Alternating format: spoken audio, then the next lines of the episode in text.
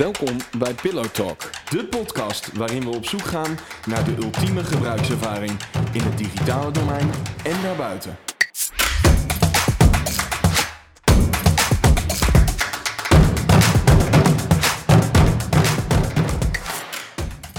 Mijn naam is Miel van Brugge, account director en mede-eigenaar van Pixelpillow en host van deze podcast. En mijn naam is Joël Cox en ik ben verantwoordelijk voor de techniek bij Pixelpillow en ook mede-eigenaar.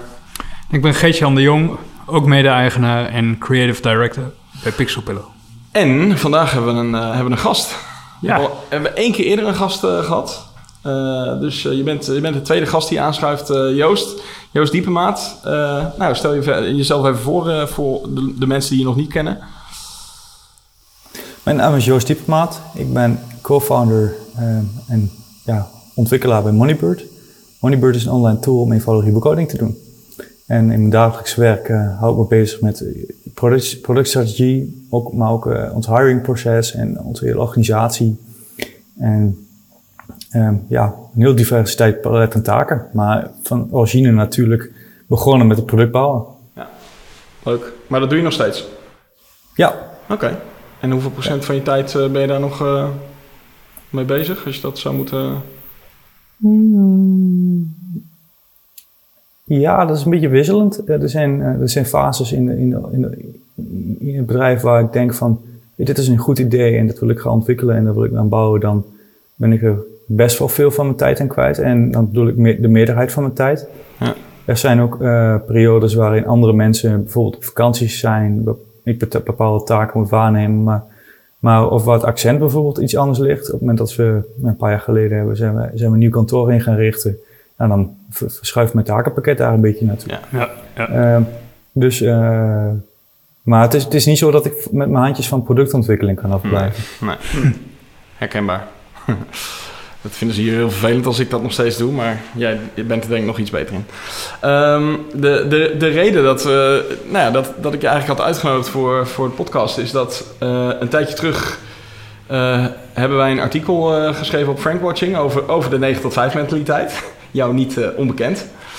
Ehm, en, eh, en toen kwam ik eigenlijk vrij snel daarna, kwam ik, eh, toen ik daar een beetje naar ging googlen en dat een beetje in de gaten hield en zo, kwam ik, kwam ik erachter dat jij dat eigenlijk ook al riep. dat dat juist iets positiefs was. En toen dacht ik, nou ja, dat is wel interessant. Ehm, want ik ken niet zo heel veel organisaties die dat ook op die manier durven te roepen. Dus toen dacht ik, dat is misschien wel een leuk onderwerp om, eh, om het eens met, eh, met Joost over, eh, over te hebben. Dus dat is het, het onderwerp van vandaag. Waarom iedereen weer aan de 9 tot 5 mentaliteit moet. Ehm, dus nou, daar gaan we het over hebben. Ehm, we beginnen elke week beginnen we onze podcast met ehm, de UX fuck-up. User experience is natuurlijk een, een, een vakterm voor het, een geweldige of een, een gebruikservaring. Ehm, en afgelopen week was ik in het Krullenmuller Mu- Museum. Nou, dat leek ons een heel goed idee, want eh, die musea die zijn natuurlijk maar beperkt voor, voor een beperkt aantal mensen geopend. Ehm, nou, dat viel ten eerste een klein beetje, klein beetje tegen. Ja, Want, wa- was het druk? nou ja, je zit, eh, eh, we liepen daar en ehm, ze laten volgens mij 30 mensen per half uur toe.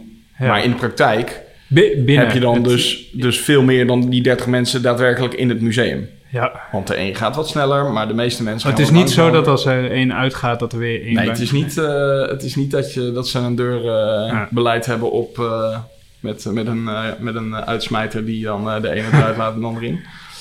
Ehm, maar goed, los van, van die eh, gebruikservaring eh, was, er, was er iets anders. Ehm, ze hadden, eh, zoals heel veel eh, nou ja, eh, bedrijven die bezoekers ontvangen, hadden ze een soort bewegwijzing aangebracht. Ehm, die vertelde aan welke kant van het pad je moest lopen. Nou, bij Krullenmuller heb je een soort eh, lange promenade richting de ingang. Ja. Ehm, ja, en volgens mij is het toch redelijk gebruikelijk dat je aan de rechterkant gaat lopen. Wow. ja. Maar bij Krullenmuller, ik weet niet wat de reden was. Maar op de een of andere manier hadden ze de pijl aan de linkerkant van het bordje gezet. Dus dat je aan de linkerkant moest Ah, oké. lopen. Ja.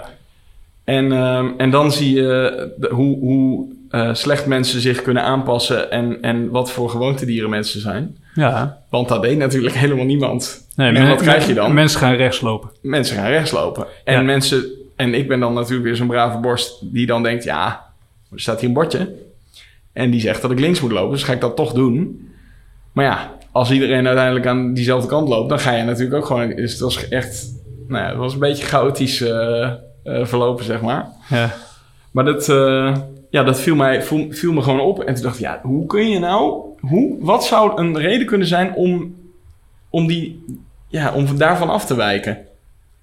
Ja, niet naar de bestaande design patterns gekeken. Ja, maar goed, ik bedoel, is het dan... Bijzonder. Ja, toch? Ik bedoel... eh, ik, ik- ik moet opeens aan iets denken van heel lang geleden op de HTS hadden we vak ergonomie. En daar noemden ze dat compatibiliteit. Dat, dat iets moet doen zoals je het verwacht. Dus Ja. als je gas geeft, dat moet naar voren, niet, Ja. naar, niet, niet naar achter. Ja. En dat is vooral belangrijk in noodsituaties. Bij kernreactoren moet je bijvoorbeeld niet dan dat soort dingen omdraaien, want als mensen dan in paniek zijn, dan... Dus dat ging bij eh Krullenmuller eh eh, ging, fout. Nee, maar dat... nou, ja, dat, ik vond het heel, eh, heel opmerkelijk. En ik, ik, kan En je hebt een foto, hè? ik heb een foto, ja, die kan Joost nu even niet zien. En mensen thuis natuurlijk ook Ja. niet, want het is een podcast. Ehm, maar eh, ik zal hem even op Instagram eh, plaatsen.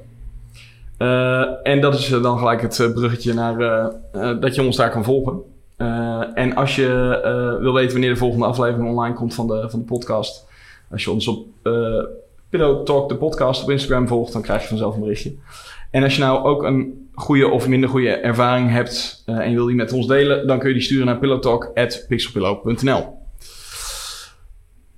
Nou, naar het onderwerp. Waarom iedereen weer aan de 9 tot 5 mentaliteit moet. Ehm, nou, de eerste stelling die we hebben opgeschreven is... een 9 tot 5 mentaliteit is een vereiste voor blije me- medewerkers. Ehm, nou, Joost, wat vind jij daarvan? Nou, Vereisten st- stel je hem heel, heel stellig. Ehm, het kan ook een 10 tot, eh 10 tot 6 zijn. Ja, Ja. dat klopt. Nee, maar dat, ehm, ik denk dat je, wat je bedoelt te zeggen is dat je, ehm, als je een organisatie runt, dat je bepaalde kaders hebt waarin je, waarin je eh, die organisatie beweegt. En wat je ziet in organisaties waarin mensen heel hard, eh, heel veel uren gaan maken en gewaardeerd worden, dat andere mensen denken die eigenlijk een normaal aantal uren werken, dat ze op een of andere manier ondergewaardeerd gaan worden. Je krijgt een soort van disbalans. Waarin een heel, ja, heel prominent zegt van, hey, kijk, mij 60 uur werken en ik, eh, en ik, en ik heb gewoon een 40 uur contract. eh, doe ik, ben ik dan niet goed? En als je dan over blije, medewerkers hebt, denk ik dat, je, dat, dat de balans vrij snel zoeken is. In zo'n organisatie waarin, eh, waarin eigenlijk dingen on, gaan naar elkaar. Eh, de andere kant van de medaille is dat eh, je, je kunt afvragen of werk, werk alles in je leven is. Of dat je zegt van werk is een soort van verlengstuk van hoe ik wil leven. Ehm, ik denk dat, tenminste voor mij geldt, dat, dat ik werk zelf 32 uur ongeveer. Ehm, dat, dat er ook heel veel, heel veel andere dingen belangrijker zijn dan werk. Ehm, en ehm, dat je veel beter kunt kijken van, doe ik wat, ben ik ook kritisch genoeg in het werk wat ik doe? Of doe ik heel veel dingen eh, die eigenlijk helemaal onnodig zijn? En ben ik daar niet kritisch in? En zo- kijk ik naar die, die, die 32 en die 40 uur werkweek. Henry Ford heeft, heeft het ooit bedacht om mensen een degelijk ritme te geven. Dat is het uitgangspunt van die 40 uur werkweek die Henry, Henry Ford heeft bedacht. We gaan 40 uur werken met elkaar, zodat de families ook een moment hebben waarop ze- bij elkaar zijn. En ik denk dat, het dat er best wel heel veel goede dingen in zaten. En dat is eigenlijk wat ik daarop te zeggen heb. Een balans zoeken met z'n allen. En, en, en als laatste, wat, wat ik er misschien aan toe wil voegen, is van ehm, juist dat je, doordat je, dat je uren ehm, beperkt, neem je ook af en toe in je hoofd afstand van je werk. En kom je op het moment dat je moet gaan werken, frisse terug. Dat overkomt mij heel vaak. Dat ik juist, als ik aan het sporten ben, zo'n aha-erlevenis heb van, hey, dan, dat probleem wat ik, eh, wat ik vanaf vanmiddag op mijn werk had, dat weet ik op deze manier op te lossen. Een, een heel belangrijk deel van werk, om je werk goed te doen, is af en toe weggegaan van je werk. Ja. En dat realiseren mensen. Je, hersens hebben een rust nodig om, om goed te kunnen functioneren. Ja, nou ja, goed. Ja, we- volgens mij zijn wij het daar eh, collectief mee eens. Ja, ik denk ook... ehm, als je te- veel werkt... de- ik, ik vraag me echt af, vragen we ons wel vaak af... of je dan nog wel eh, productiever wordt. Het li- lijkt wel alsof er op een gegeven moment... dan ga je wel meer uren maken... maar dan is de vraag of er nog meer uit je handen komt. Ja. Of meer zinvols. Ja. En misschien bij productiewerk, volgens mij is dat ook wel eens onderzocht... met eh, heel, heel eh, werk wat heel weinig mentale belasting vergt, dan kan dat nog. Dan kan je gewoon meer uren gaan maken en productief blijven. Maar volgens mij, als je ingewikkelde dingen doet, dan stopt het op een gegeven moment wel. Ja. Vermoed ik. Ik denk eerlijk gezegd dat het bij een uurtje of zes, zeven per dag al stopt. Ja, dat gevoel heb ik ook. En dat ik dan denk dat de scherpte er wel af is, dan ga ik soms wat basic werk doen. Eh, maar eigenlijk daarin eh, zo ongeveer, het kan voor iedereen anders zijn hoor, maar een uurtje of zes, zeven per dag. Eh, de ene dag misschien vijf, de andere dag misschien acht. Ehm, dan is bij mij de, de scherpte, om het echt, echt die dingen heel goed en fijn te, te beschrijven, ja, dat, dat, dat stopt daar ergens tussenin. Ehm, Ja, de, de, de vraag is ook vooral... eh, kijk, het is voor iedereen natuurlijk anders. Maar de vraag is of het, of het uitgangspunt in onze maatschappij natuurlijk goed is. Hè? Want ik denk eerlijk gezegd dat met alle... Sowieso alles is veranderd natuurlijk. Ik bedoel, ik, heb het er, ik had het toevallig dit weekend ook nog even met mijn moeder over. Die zei, ja, ja ik, ik had gewoon jullie... En eh, weet je, de, eh, in de, gewoon vroeger was het natuurlijk zo dat het traditionele verdeeld was en dat gewoon één iemand nou ja, werkte vaak. Eh, en nu zijn, ben je met z'n tweeën aan het werk en dan moet je alle twee even unwinden eh, aan het einde van de dag. En dan nog kinderen erbij en je werk en alles, alles erbij. Nou, dat is best wel, ja toch, dat is best wel pittig. Dus is ja, dan, en, en dan moeten uitgebreid vaderdag dingen georganiseerd worden. En voor school moeten, Ja. moeten voor het afscheid van de Ja. directeur moeten dingen georganiseerd. Ja, dus het stapelt inderdaad. Dus je hebt er nog een baan naast, bedoel je eigenlijk? Ja, ja, het is gewoon, het is, het- volgens mij is, is het wat dat betreft, zeker mentaal, heb je al een, een grotere belasting dan, dan volgens mij eh, de vorige generatie had. Ik weet dat de, de, de, mijn schoonvader zei dat ook ooit. Die zei, wij werkten misschien wel meer uren, maar het werken was wel eh, minder intensief. Ja. Ontspannender. Of het hoefde allemaal minder snel. En, eh, ja, dat- dus het zou best kunnen dat dat zo is. Ah, maar Joost die zegt natuurlijk net ook wel iets interessants. Jij zegt van eh, het werk was toen minder inspannend, maar Joost zegt net heel mooi. Je, je kan inderdaad wel op het moment dat je maar 40 of maar 32 uur hebt om te, te werken en je moet het daarin doen, dan word je misschien inderdaad ook eh, ga je bewuster met die tijd om die je dan hebt. Of als je maar die 6 uur op een dag doet, dan ga je natuurlijk op het moment dat iets schaars is, dan ben je er natuurlijk veel voorzichtiger mee. Of in ieder geval, dan heb je het gevoel dat je natuurlijk meer gaat doen. Dat sta- staat dan wel weer een beetje tegen op, nou ja, wat jij dan natuurlijk. Ja, ik, ja, ik denk wel dat het zo werkt. Want die afgelopen maanden met dat eh thuiszitten tijdens die lockdown en dat homeschoolen, wat ik dan in mijn geval eh, moest doen, had ik ongeveer zes uur per dag. En op de een of andere manier ehm, prop je de dingen die je normaal in acht uur deed, inderdaad gewoon in diezelfde zes uur, was mijn gevoel. Ja. Dus, dus kennelijk. Maar ik weet niet of dat Ja, duurzaam is hoor. Weet je, dan maak je wel je punt. Ehm, het, het, ehm, misschien ken ken je wel de situatie ehm, dat je terugkomt van vakantie en dat je je mailbox eh, doorwerkt. Ja. Dat je erachter komt dat het eigenlijk in een ander uurtje of anderhalf, twee uur eh, waarin alles, alles is opge- eh, opgeruimd. Terwijl je normaal gesproken misschien wel de hele dag in je mailbox zit te kijken. Zeven, acht of tien keer je mailbox checken. Ehm, die, die korte fragmenten, intensief werken, dan krijg je ook veel, veel werk gedaan. Ehm, en ook kritisch zijn van, ja, ik heb gewoon deze, deze, deze online meeting of ehm, ja, deze manier van werken, die, werkt gewoon niet. En je, je mag eigenlijk wel een soort van curatorrol nemen tegenover terwijl je werk wat je op je bordje krijgt. Dus da- daarin zeggen van, is ditgene nou echt wel belangrijk om te doen? Of, of doe ik het eigenlijk maar omdat het zo gewoon is om te doen?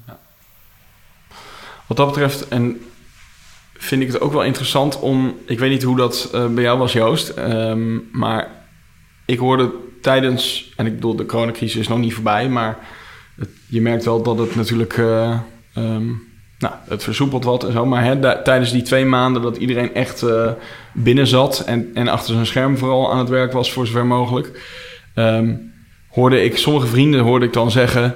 Ja, en ik vind het eigenlijk wel lekker, want eh, ik hoef niet meer elk weekend met vrienden af te spreken. Ja. En ik dacht alleen maar, ja, dat doe ik eigenlijk sowieso al niet. Dus, ik, dus, dus het, zijn, het selectief zijn in je leven, in de, algemeen, in in de breedste zin van het woord, dat is, dat is meer een, een mindset dan, dan iets dat je doet. Want, want ik merk dat wij doen dat hier. Nou, jij, jij doet dat volgens mij ook eh, bij Moneybird. Maar jij doet dat ook in je, eh, eh, in je leven, gewoon in je, in je, gewoon in, je hele leven. Dus het is gewoon selectief zijn in, in waar je je tijd aan besteedt. Dat is eigenlijk de kern. En, en dat vind ik dan zo grappig, want dat hoor je gewoon niet zo. Tenminste, ik hoor het niet heel vaak. Ehm, maar volgens mij wordt het wel heel erg door de mensen die hier werken gewaardeerd. Ehm, en, en wat ik heel grappig vond was dat ik hoorde, eh, ik luisterde een eh, fragment van een, ik dacht een interview met, of ook een podcast bij eh, Moving Fast Moving, Targets. En daar maakte degene die jou de vraag stelde de, opmerking van, ja, is het eigenlijk niet een soort familiebedrijf? En dat vond ik eigenlijk wel een, een, een, in die zin een interessante metafoor dat het deel van het zorgen voor je mensen, zeg maar. Omdat je weet, omdat je zelf veel waarde hecht aan de goede werk-privébalans. Ja, dat, dat vond ik wel een interessante vergelijking. Want ik, ik Ja. herken me daar wel in. Ik denk wel, ja, dat is ook hoe, hoe wij daarin staan.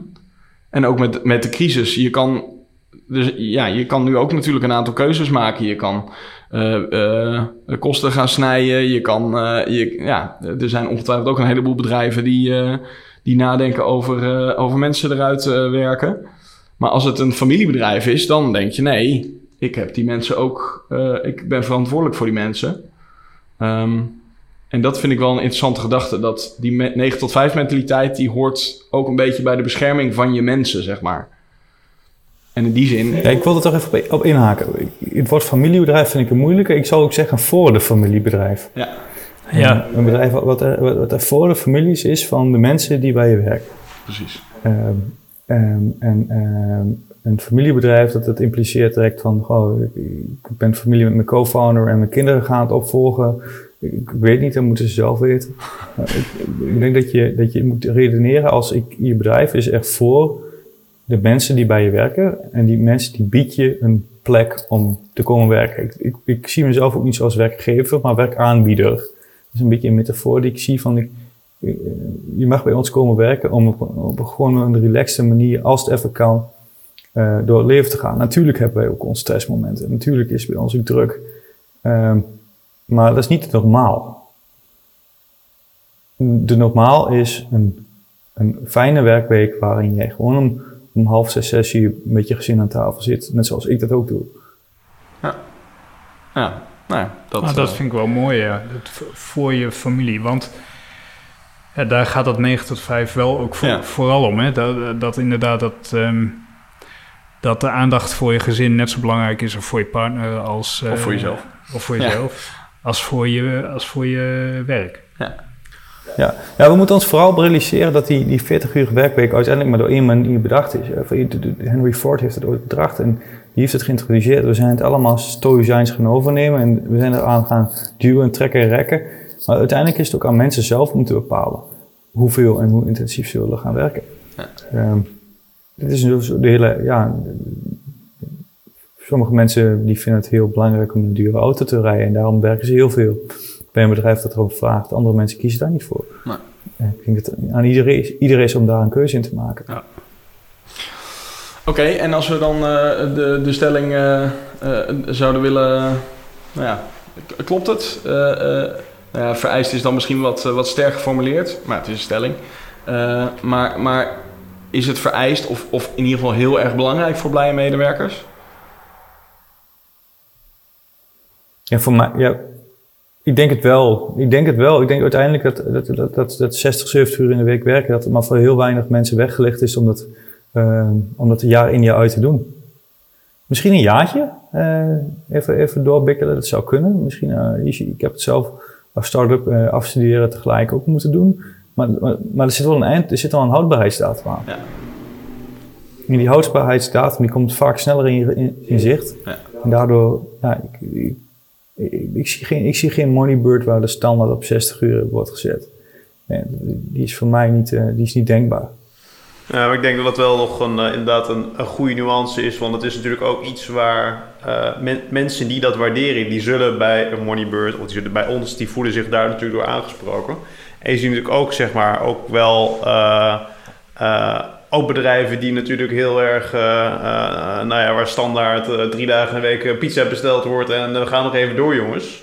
er zijn ook mensen die dat inderdaad interessant vinden. Maar dat is natuurlijk wel een soort onderscheid over hoe jij wat voor, uh, uh, wat voor mensen jij wil aantrekken en hoe jij, nou ja, hoe de organisatie ruilt en zelt. Ja. En ik denk wat Joost zegt, dat is misschien heel leuk voor mensen die nog geen, geen, geen kinderen hebben of gewoon echt, die, die gewoon ja, als je vers gestudeerd bent. Ja, dan kan je, dan kan je leuk. Ja, tenminste, dus, dus, dus het is denk ik voor de mensen die dit, uh, de, de zelfselectie toepassen door denken, hey, zo'n 9 tot 5 mentaliteit spreekt mij aan.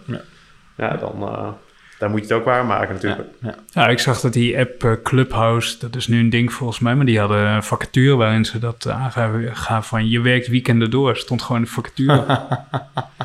ja, ja daar, daar trek je wel een bepaald type medewerker mee aan, dat geloof ik wel. Ja. Oké. Niet bij ja, ik, ik, ben dan heel benieuwd wat die mensen dan echt denken of waarom ze dan daarop solliciteren. Ja. Ik, uh, ik, ik, zou ze wel, wel, wel, wel eens willen spreken. Ik, ik, ben wel benieuwd. Ja. Um, we zullen kijken of er eentje in het wild uh, kunnen als, voor de, podcast, als voor de volgende podcast in deze reeks. Ja. Gezocht, hoe Ja, de 9 tot 9 mentaliteit. Ja. ja. Of 5 uur s'avonds tot 9 uur s ochtends. Ja, ja.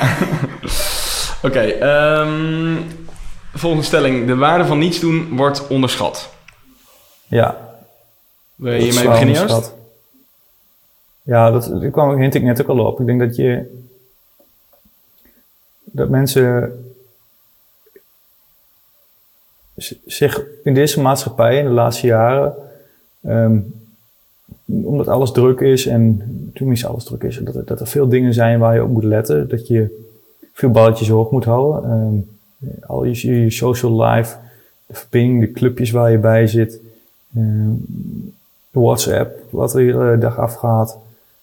Dat je ontzettend veel prikkels krijgt en dat mensen zijn vergeten dat niets doen ook heel belangrijk is.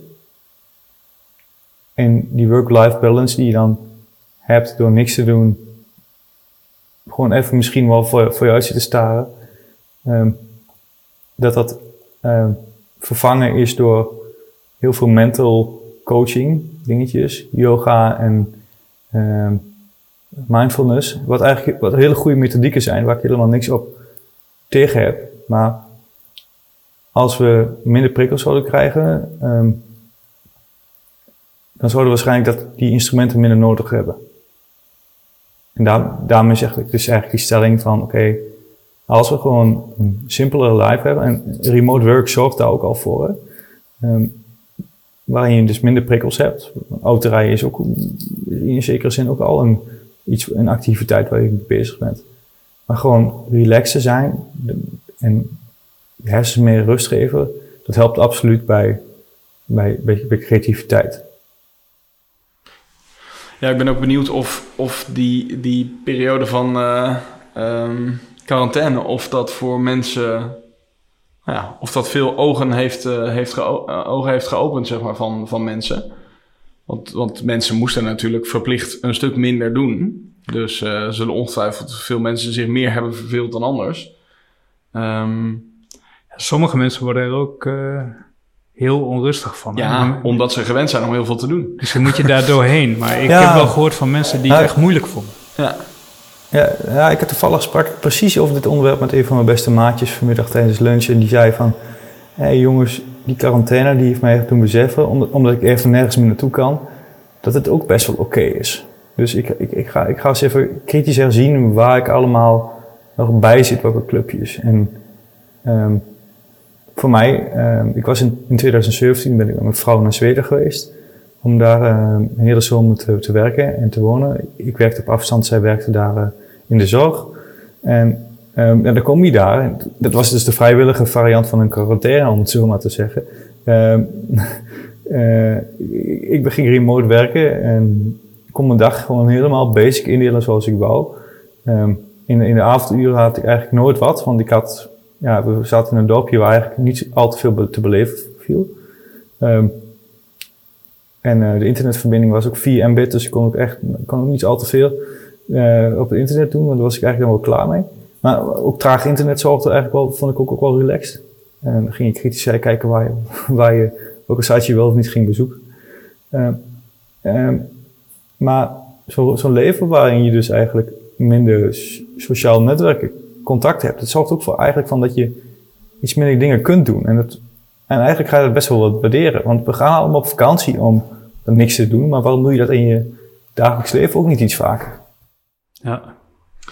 ja maar waar komt dat dan door? Hè? Zou dat komen? Ja, dat, dat denk ik dan, maar dat heeft ermee te maken dat we altijd aan zijn en dat WhatsApp altijd ringelt en dat de vrienden uh, te makkelijk. Ik bedoel, vroeger moest je naar de telefoon lopen. En als je niet bij, bij je telefoon was, dan ging je niet. En je dacht, ik moet even die vriend bellen, want ik wil afspreken.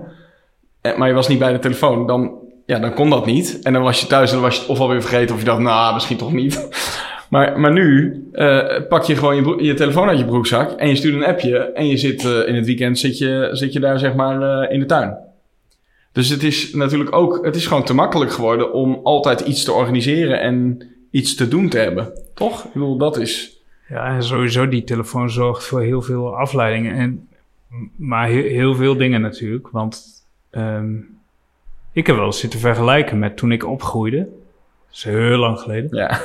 dat is altijd een grap dat ik oud ben. Ja, Gert-Jan ziet er, dat is even de inside joke. Gert-Jan ziet er van ons uh, allemaal nou, bijna het jongste uit. Maar hij is het oudst, dus dat is even de, de context. Maar toen was er niet zoveel. De, de, dan had je televisie een paar zenders en je had radio. En de rest van de tijd moest je toch echt jezelf een beetje zien te vermaken. En dan had je boeken, maar als je daar, dan waren je boeken op of zo. Ja. En dan uh, je verveelde je gewoon. Maar nu verveelt niemand zich meer natuurlijk. Want, want als je je verveelt, pak je je telefoon uit je zak. En ga je... Kijk je op Facebook of Instagram. Ja, ga, ga, je dingen doen daar. Ja, maar volgens mij had, had, had Joost, en jij raakte er net ook uh, net aan, Milan, dat natuurlijk ook een beetje de, de, de, de verwachting misschien wel van je omgeving, zeg maar, is. Ja, ja. Kijk, ik heb natuurlijk gewoon helemaal geen, ja...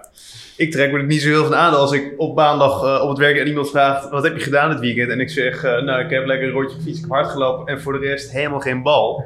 Ja, dat maakt mij niet zo uit. Maar er zijn natuurlijk ook mensen die hebben wel, zeg maar, van ik wel de, de, de, de leuke Instagram-foto's. Ja. En oh, ik heb weer op het terras gedaan, ik heb weer dit gedaan. Kijk, als je dat. Ja. Er zijn waarschijnlijk een heleboel mensen die daar ook echt energie uit halen. Maar ik kan me ook voorstellen dat er een heleboel mensen zijn die dat niet hebben en die.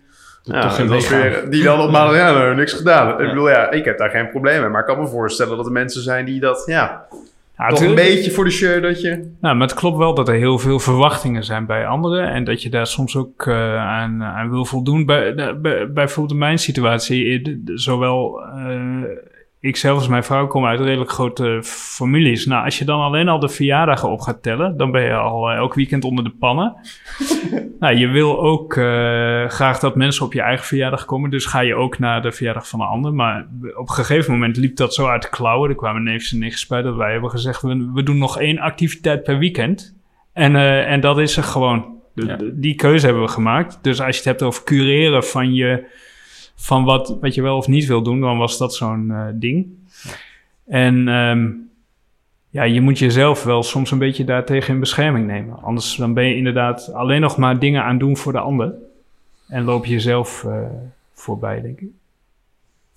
En hoeveel, Joost, hoeveel mensen in jouw omgeving ken jij die, die dat op dezelfde manier doen als nou, waar we het nu over hebben en zoals jij dat dan uh, doet? Ik bedoel, heb jij, zijn, zijn, merk je dan ook dat de medewerkers die je hebt, um, uh, dat, dat, dat die dat ook uh, hebben? Of, of meer hebben dan, dan anders? Of, of, of heb je veel vrienden die dat ook op die manier hun leven organiseren, zeg maar? Of, of ben je daarin de vreemde eend in de buit? Ja, we, we hebben binnen het team hebben we onlangs die, die, die een cursus gedaan van, van Grip, van Rick Pastoor, die heeft een boek geschreven. En die beschrijft het eigenlijk, het hele proces van cureren. Ga eens in je agenda gewoon zetten wat je aan het doen bent en kom erachter dat je eigenlijk waarschijnlijk veel te veel te doen hebt. En kill een paar dingen die niet belangrijk zijn, of reflecteer dat. Um, maar ik denk als ik naar de ondernemers en mensen om me heen kijk, dat, het, um, er best nog wel veel mensen zijn die um, maar stoïcijnse patroon aan het volgen zijn, wat ze al jaren gevolgd hebben. En, en wat, je, wat je ook ziet is dat eigenlijk door de corona bijvoorbeeld nu um, mensen op afstand meeten denken, hé, hey, dat gaat eigenlijk best wel goed. Nou, ik, ik ben eigenlijk, ik heb voor mezelf al, al jarenlang een patroon dat ik, uh, dat ik er op een gegeven moment achter kwam waar, dat ik een paar meetings had en dan ging ik vanuit Enschede naar de Randstad en dan kom je na een kwartier erachter dat je eigenlijk met de verkeerde persoon aan tafel zit. Toen ben ik eigenlijk maar eens een jaar lang uh, ja, ben ik op gehameren, laten we de eerste meeting nou eens online doen. En dat, dat heeft me zoveel ritten en tijd gescheeld. En dat is zeg maar zo'n patroon doorbreken. Dat je zegt van oké, de huidige manier is dat nou zo zinvol of kun je ook op een andere manier meeten? En ja, oké, okay, je, daar kwam ik eigenlijk achter dat ik de helft van de keer gewoon of met de verkeerde persoon in de hangout zat. En de persoon de keren dat, dat, dat, dat, je wel goed was, dat je eigenlijk op, best wel prima op, afstand die, eh, die, eh, die, uh, die afspraken kunt maken. En vanuit mijn positie van het Moneybird was het vaak dat een partij dan met onze partnership of iets wil aangaan. Dus ik, ik, ik had dan denk ik ook vaak wel een beetje de leverage om te kunnen zeggen, ja, ik ga gewoon niet naar, naar Den Haag komen om jou te leren kennen. Jij wil naar ons komen, nou dan gaan we gewoon eens online meeten. Um, maar als je dat een beetje, ja, als je daar gewoon overeenstemming in bereikt met mensen, dan kom je er ook vaak achter dat het wel heel goed is. Dat het ook wel heel goed kan. Um, en ik ben daarom ook heel blij met, eigenlijk met, met, met corona in zekere zin, dat, dat, dat, dat die doorbraak er eindelijk is, dat het gewoon geaccepteerd wordt om elkaar online te meeten. Um, maar ik denk dat dat wel voor mij een hele grote win is. En voor heel veel andere mensen ook. Dat, het, dat, dat sommige momenten het reizen gewoon onnodig is. Zou dat blijven zijn? Ja, daar ben ik ook heel uh, benieuwd naar. Dat is mijn grote vraag wel een beetje. Ja, het blijft. Ja? Ik denk het wel, ja. ja. Ik denk wel dat het nu... Uh, in ieder geval dat het... Kijk, ik denk niet dat het zo extreem gaan doen zoals we het nu doen. Maar, uh, want die sociale behoefte is het toch ook wel. Maar het feit alleen dat um, er honderdduizend webcams en microfoons verkocht zijn überhaupt. En dat mensen de tools hebben geïnstalleerd en daar comfortabel mee zijn gaan, gaan worden, dat is natuurlijk wel een, een giga belangrijk ding. Um, en uh, wat je heel vaak zag is dat, mensen eigenlijk gewoon een hardware al niet voor elkaar halen. Um, of, of, of tools niet worden installeren. En ja, dat is natuurlijk wel de basis om, om, om het te kunnen doen. En ja, ik denk, denk eerlijk gezegd dat, we, dat er een hele grote stap gemaakt is. Ja, en ik denk ook dat het, dat het natuurlijk vooral de, de werkgevers, de organisaties zelf waren die daar ook niet altijd zaten te wachten. Want ik bedoel, er zijn natuurlijk ook wat traditionele bedrijven die gewoon zeiden, nou dat, dat, dat kunnen we niet organiseren of dat, uh, dat doen we niet of wat dan ook. En uh, corona eh, staat uh, voor de stoep. En, en de volgende dag is het hele bedrijf aan de teams. Ja. ja, het kan, het kan dus ja. wel. Nou, en bedrijven de, waar ik ook al van heb gehoord, die allemaal op desktop computers werkten en nu noodgedwongen hun hele personeelsbestand in één keer een laptop moesten geven. Ja. Ja, die, die laptop hebben ze straks natuurlijk inderdaad wel allemaal. Dus ja. dan wordt de stap om thuis dingen te doen een stuk kleiner. Ja. Ja, ja we, moeten ook, we moeten ook realistisch zijn met elkaar. Als we, als we het nu over vervoer hebben bijvoorbeeld, dan, dan, dan kun je de, de hele impact op ons Nederlandse infrastructuurnetwerk. Gaat het, ik heb de berekening niet zelf gedaan, maar als, als 20% van de medewerkers één dag in de week thuis gaat werken, dan heb je al echt een enorme impact op je vervoernetwerk. Want dat kleine beetje, dat zorgt vaak voor de files. Als, als, er, als, als er uh, um, als we 5 of 10 procent minder verkeer op de snelwegen hebben, dan hebben we al echt een serieuze, serieuze uh, stap gemaakt. En misschien kan het wel veel, veel meer worden. En uh, binnen ons team was er gewoon een discussie van ja, um, hoe, hoe ga je met mensen om? En voor ons was het zo dat, dat op afstand werken ja, een, iets, iets, iets heel prima's was. Maar het was niet de first class citizen. In zekere zin van um, mensen vroegen, mag je thuiswerken? Ja, natuurlijk mag je thuiswerken. Uh, en sommige mensen werken ook twee of drie dagen in de week thuis. Maar er waren toch altijd nog wel meetings, bijvoorbeeld een projectcursus-meeting, waar die op kantoor werd gehouden. Of uh, drie, vier mensen in een meetingruimte en één iemand op afstand. Ja, dan voor die, voordat die meeting begint, wordt er wel iets besproken. En nadat die meeting afgesproken, afgelo uh, afgelopen is, wordt er ook weer iets besproken. Dat willen we niet meer. We willen, wij willen er een first class citizen van maken. Dus iemand moet, moet per se even goed kunnen werken op afstand dan als je op kantoor zit. En als je dat uh, als dat de default wordt, want dat zijn een van onze mensen die eigenlijk in het begin nog wel best sceptisch was. Die zei van ja, het moet gewoon de default worden voor bedrijven, voor techbedrijven zoals ons, om dit te kunnen gaan doen. Natuurlijk heeft het sociaal, uh, kantoor een heel sociaal-maatschappelijke plek, maar als we met elkaar zinvol met, uh, om willen gaan in de maatschappij, dan moeten we dat nieuwe netwerk, die communicatienetwerk, gewoon gaan benutten. En vroeger waren er ook geen goede snelwegen waar auto's op konden. Die, zijn men, is men ook maar gaan gebruiken. Want het waren ook geen goede auto's waar je maar eventjes in twee uur tijd het hele land crost. Dat is ook maar iets wat ontstaan is. Waarom zou dat nieuwe netwerk om op efficiënt met elkaar op afstand te kunnen communiceren ook ook niet zinvol kunnen gaan zijn?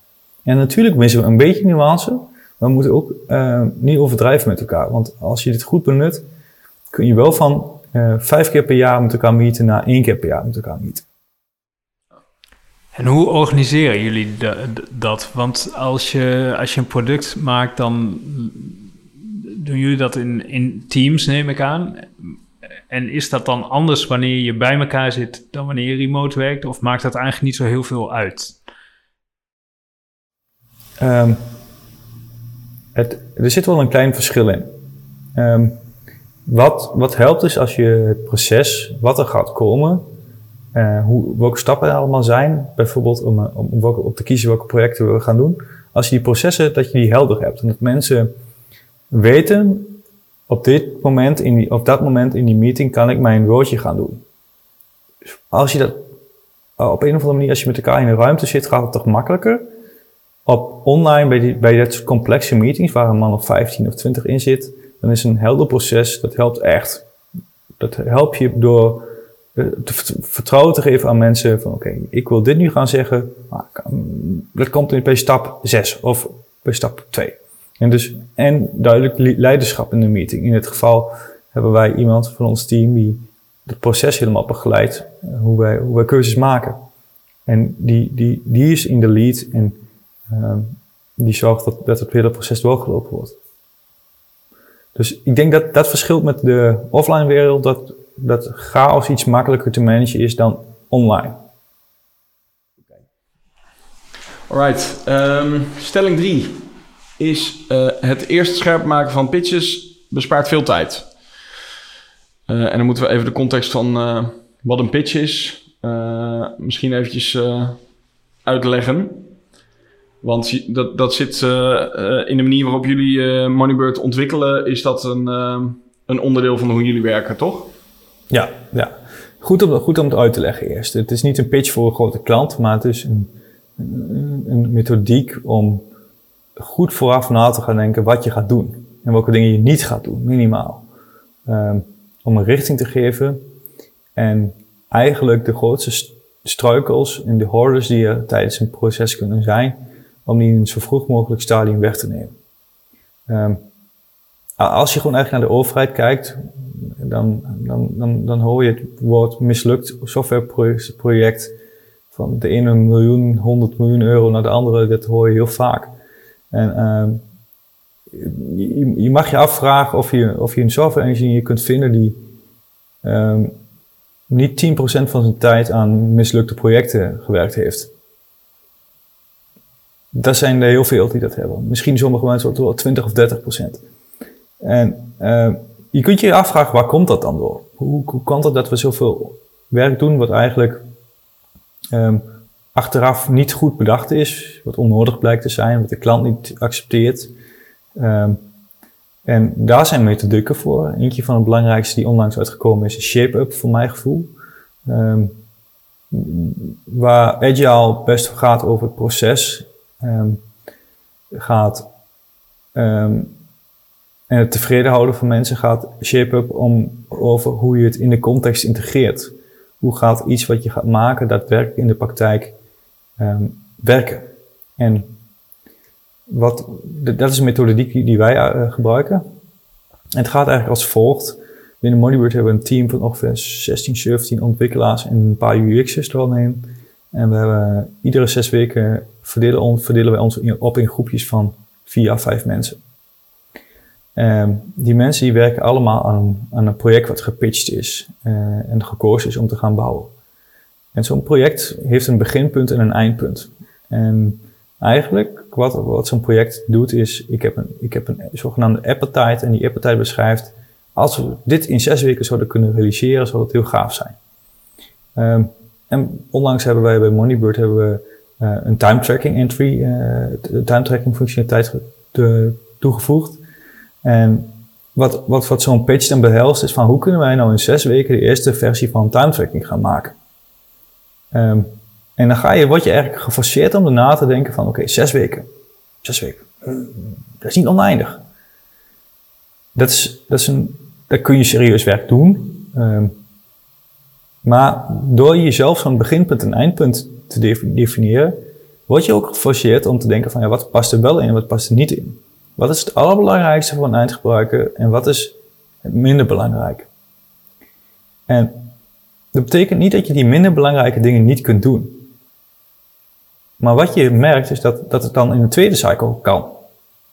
Maar doordat je eerst, de, als, je, de volgorde van werk goed definieert en zegt: Oké, gewoon dit nu eerst eens in zes weken doen. En dan, is er, dan zijn we eerst van A naar B gegaan. Als we bij B zijn, dan gaan we kijken waar dan het C-punt ligt. Dan kom je, kom je erachter dat omdat je van A naar B bent gegaan, je een nieuwe context hebt gedefinieerd. Namelijk, je bent bij punt B aangekomen na zes weken. En dan krijg je weer allemaal nieuwe inzichten. Dan zie je dat je eigenlijk een organisatie hebt die eigenlijk iedere zes, zeven weken bepaalt wat het belangrijkste is wat hij of zij kan gaan doen.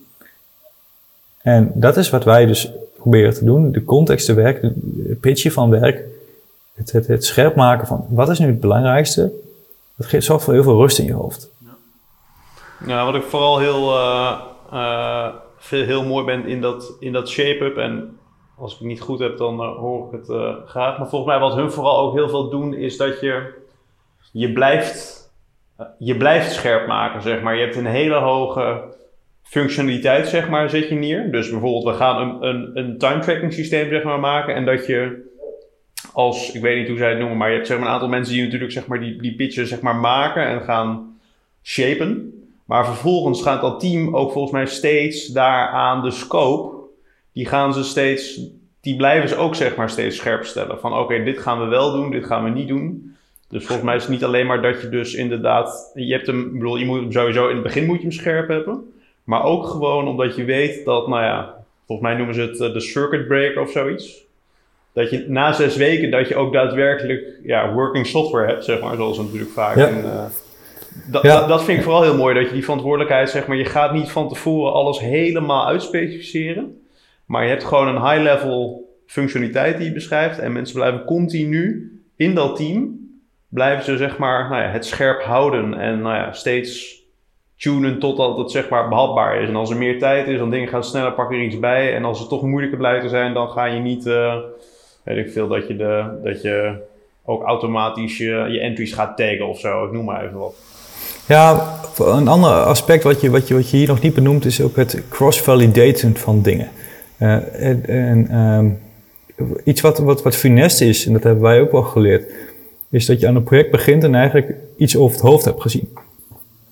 Ehm, en wij werken met een software management systeem wat Fabricator heet. En, als een engineer iets bouwt en klaar heeft om het te laten reviewen, dan noemen we dat de zogenaamde diff. In GitHub heb je een pull, request voor, voor, voor mensen.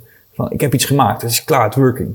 En eigenlijk wil je dat eigenlijk aan zo'n begin van zo'n project, na één of twee dagen, de eerste pull request of diffs al open komen te staan. Dat betekent dat mensen weten wat ze, ehm, wat ze moeten doen en dat ze gaan. Dat ze niet om zich heen kijken. Dat, dat ze het gevoel hebben, ik ben hier met het project bezig, ik snap waar wat de richting in de koers is. En ik heb eigenlijk al, de struggles zijn weg. Er mogen uitdagingen in zitten, er mogen dingen eh onbekendheden zijn. Maar liefst wil je aan het begin van zo'n project, wil je al ehm echt de allermoeilijkste dingen, van, ah, die wil je eigenlijk al een beetje aangeraakt hebben. En ik zal je, ik zal je het voor- een voorbeeld noemen, ehm, als ik niet over die time tracking heb, dan is er wel een leuke casus dat ehm, ehm, als, als de klok verzet wordt, eh, best lastig is om de tijd te rekenen. Bijvoorbeeld is uh, tien uur s avonds op, de, op de avond dat er de, de klok wordt verzet. En, dus je start om, om tien uur start je een timer, om tien uur en dan om twaalf uur wordt de klok verzet en om drie uur s'nachts wordt die timer stilgezet. Hoe lang heb je nou gewerkt? Ja, um, dat is iets wat, wat, wat, best lastig kan zijn in software. Daar heb je heel veel manieren voor. Maar goed, in ons geval moeten we daar een manier voor vinden om met heel veel data entries dat heel snel te kunnen berekenen. Um, dus dat wil je dus op een plek in dit geval. Ik wil niet te technisch maken, maar dat wil je doen op, op een plek waar het, eenvoudig kan. Zoiets uitzoeken, hoe je daarmee omgaat, is iets wat voor ons wel in zo'n pitch hoort. Het geeft vertrouwen om de meest cruciale shit, zeg maar, om, om die te kunnen oplossen. Um, dan hoef je dat niet 100% in, in die tijd, in detail te hebben, maar een soort van working prototype van ik heb dit schipje uitgevoerd en dit werkt. Dat geeft vertrouwen. Dat geeft een soort van, ja, dat, dat, dat, stopt wat tools in een rugzakje voor die mensen om, op pad te gaan. En de, de, de unknowns, zeg maar, de onbekende dingen, die zijn belangrijk om voor zo'n pitch te doen. Als je iets gaat bouwen tijdens een project wat, wat lijkt op iets anders wat we al gedaan hebben, ja, daar, daar kun je mensen wel mee op pad sturen. Maar juist die, die details die het, die product, uniek maken en ja, toch, toch echt, ja, echt ja, scherp maken, die zijn belangrijk om die in een vroeg stadium te tackelen, mijn gevoel. En, ook, en daarbij hoort ook minimaal bij van de bepaalde dingen niet doen. Um, kritisch daarin zijn. Van oké, hebben we het echt wel nodig? Kunnen we echt, kunnen we zonder? Kunnen we dit op, in versie 1 misschien gewoon helemaal niet doen? Om eens te kijken van, um, vraag onze gebruikers daar, wel om. Um, dat, dat, is, dat is echt super waardevol. En dan, dan, als ik jullie zou vertellen van hoe vaak wij dachten dat we een versie 2 en versie 3 nodig hadden, maar dat onze gebruikers echt met versie 1 al 100% blij waren en dat we het echt nooit hebben aangeraakt, dan schrik je. Ja, dat komt vaak voor. Um, en dat het gewoon voor mensen werkt. En dat, dat jouw perceptie van hetgene wat je nodig hebt en dat dat het echt een andere perceptie is dan hetgene wat je ook eindgebruiker nodig hebt. En, je ziet de, de, andere kant van de medaille is ook dat Google Class bijvoorbeeld, hoe, eigenlijk mislukt dat is en hoeveel tijd dat gekost heeft. Dat dan, dan zie je dus dat de overengineering eigenlijk niet wordt beloond.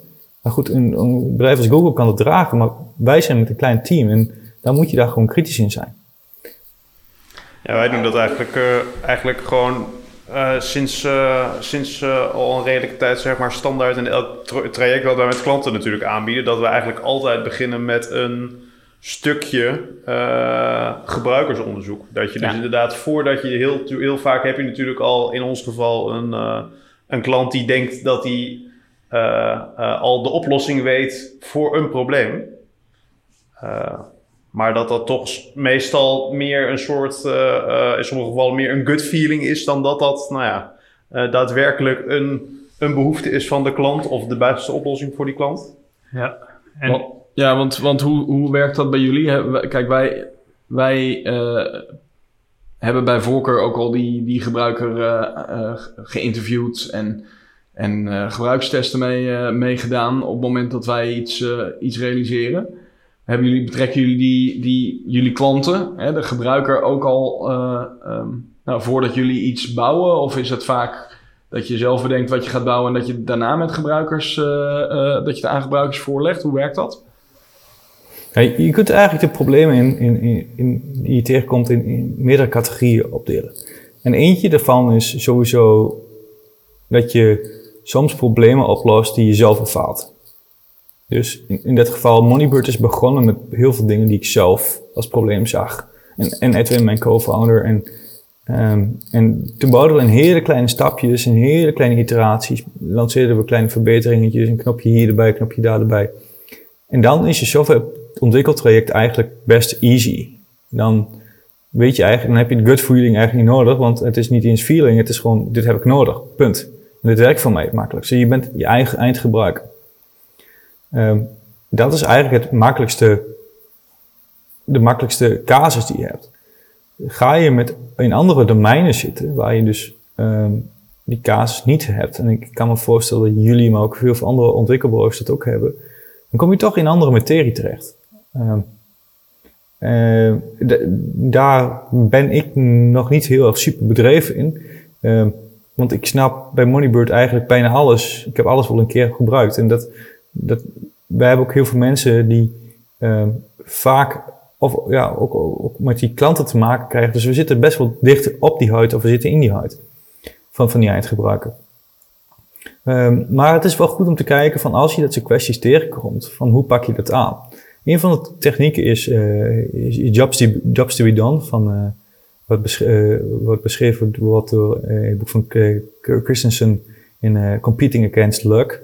Dat is eigenlijk wat je, wat je zegt, dat je de competitie aangaan met het toeval. Dat is eigenlijk wat je wilt. Soms doe je dingen per, ongeluk goed eigenlijk. Dat is waar heel vaak succes dan vandaan komt. Eh, want dat wil je uitsluiten. Je wilt, je wilt, want als je iets per ongeluk goed doet, ga je ook, kun je ook net zo goed iets per ongeluk fout doen. Ehm, en dat is wat, wat, die methodiek, jobs to be done, die noemt, die, die, die zegt van oké, welke, welke jobs, welke taken worden door een eindgebruiker uitgevoerd.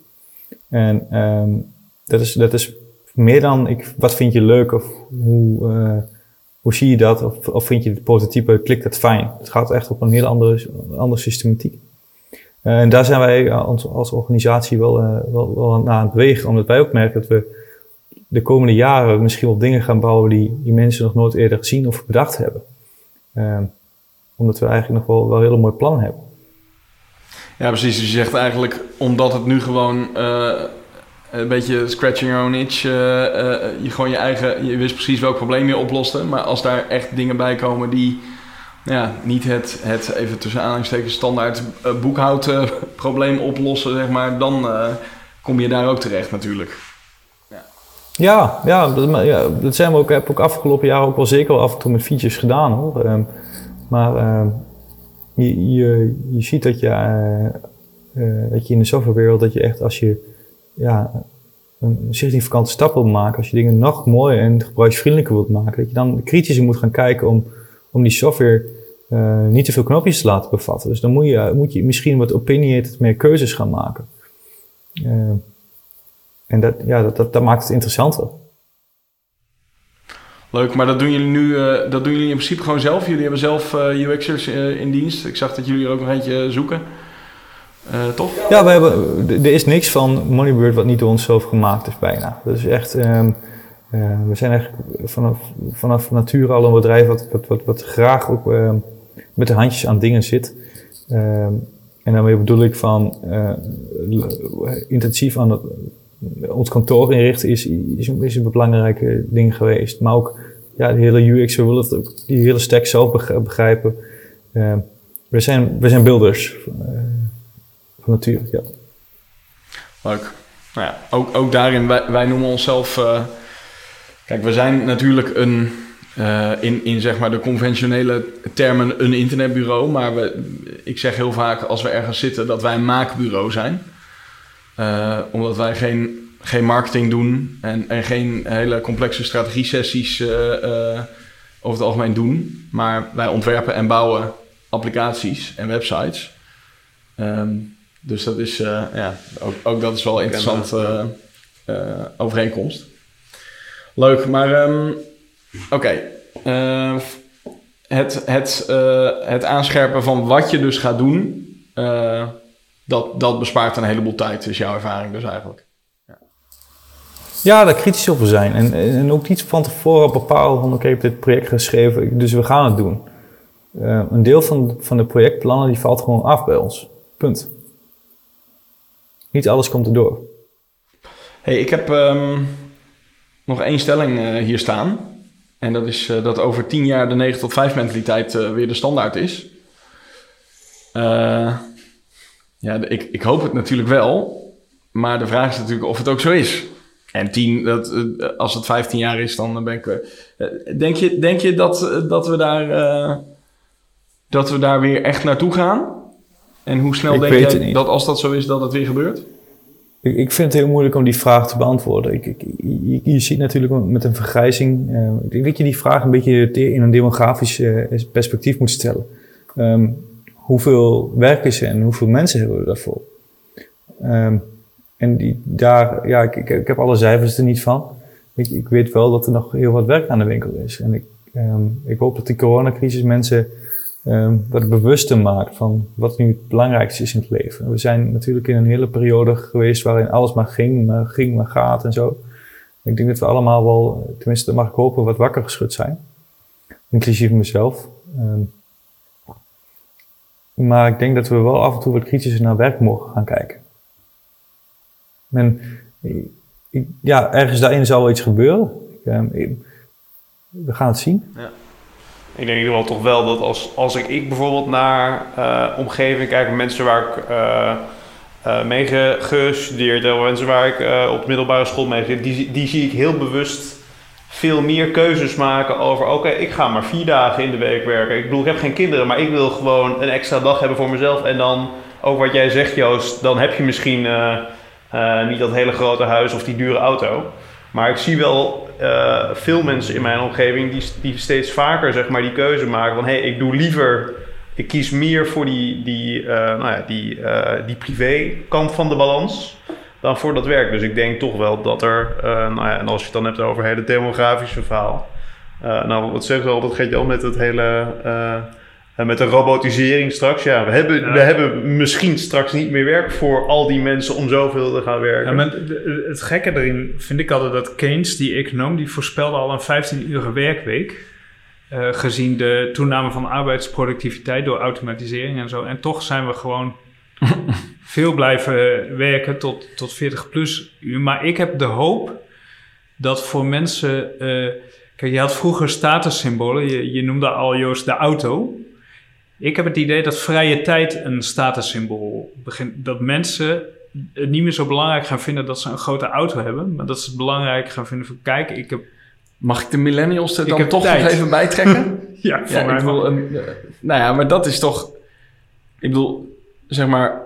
Ik weet niet of onze generatie, dat is aan deze tafel al uh, een beetje moeilijk uh, te vatten, want het, uh, zijn niet allemaal even oud. Maar als je dan kijkt naar mensen die echt zo, gaat hier even iets niet goed. Als je kijkt naar de, de, de, de millennials, dan maar even zo gezegd. Dan, dan merk je daarin al wel dat die mensen veel bewuster keuzes maken om, um, ja, om, om, hun vrije tijd. Volgens mij zijn er nu heel weinig eh, jonge mensen die, uh, die fulltime uh, werken. En wij hebben ook jonge mensen in dienst die, die vier dagen werken. En ik snap dat heel goed. En, en ik denk ook, het is heel logisch, hè? want tijd is het meest, meest schaarse ding wat je hebt in je leven. Je hebt een limited aantal uren ja. tot je beschikking. En ja, je kan die uren inderdaad besteden om aan een statussymbool voor een statussymbool als een auto of zo te gaan werken. Maar je kan ook gewoon tijd met je vrienden of zo uh, doorbrengen. Of, of lekker niks. Of lekker niks. niks eigenlijk zijn het wel twee verschillende discussies zoals jullie nu voeren. Want volgens mij zijn er heel veel mensen die naar een 32 uur werkweek gaan, omdat ze dan eigenlijk 40 uur in de week werken. Ja, dat is, Maar dan minder druk op de ketel hebben.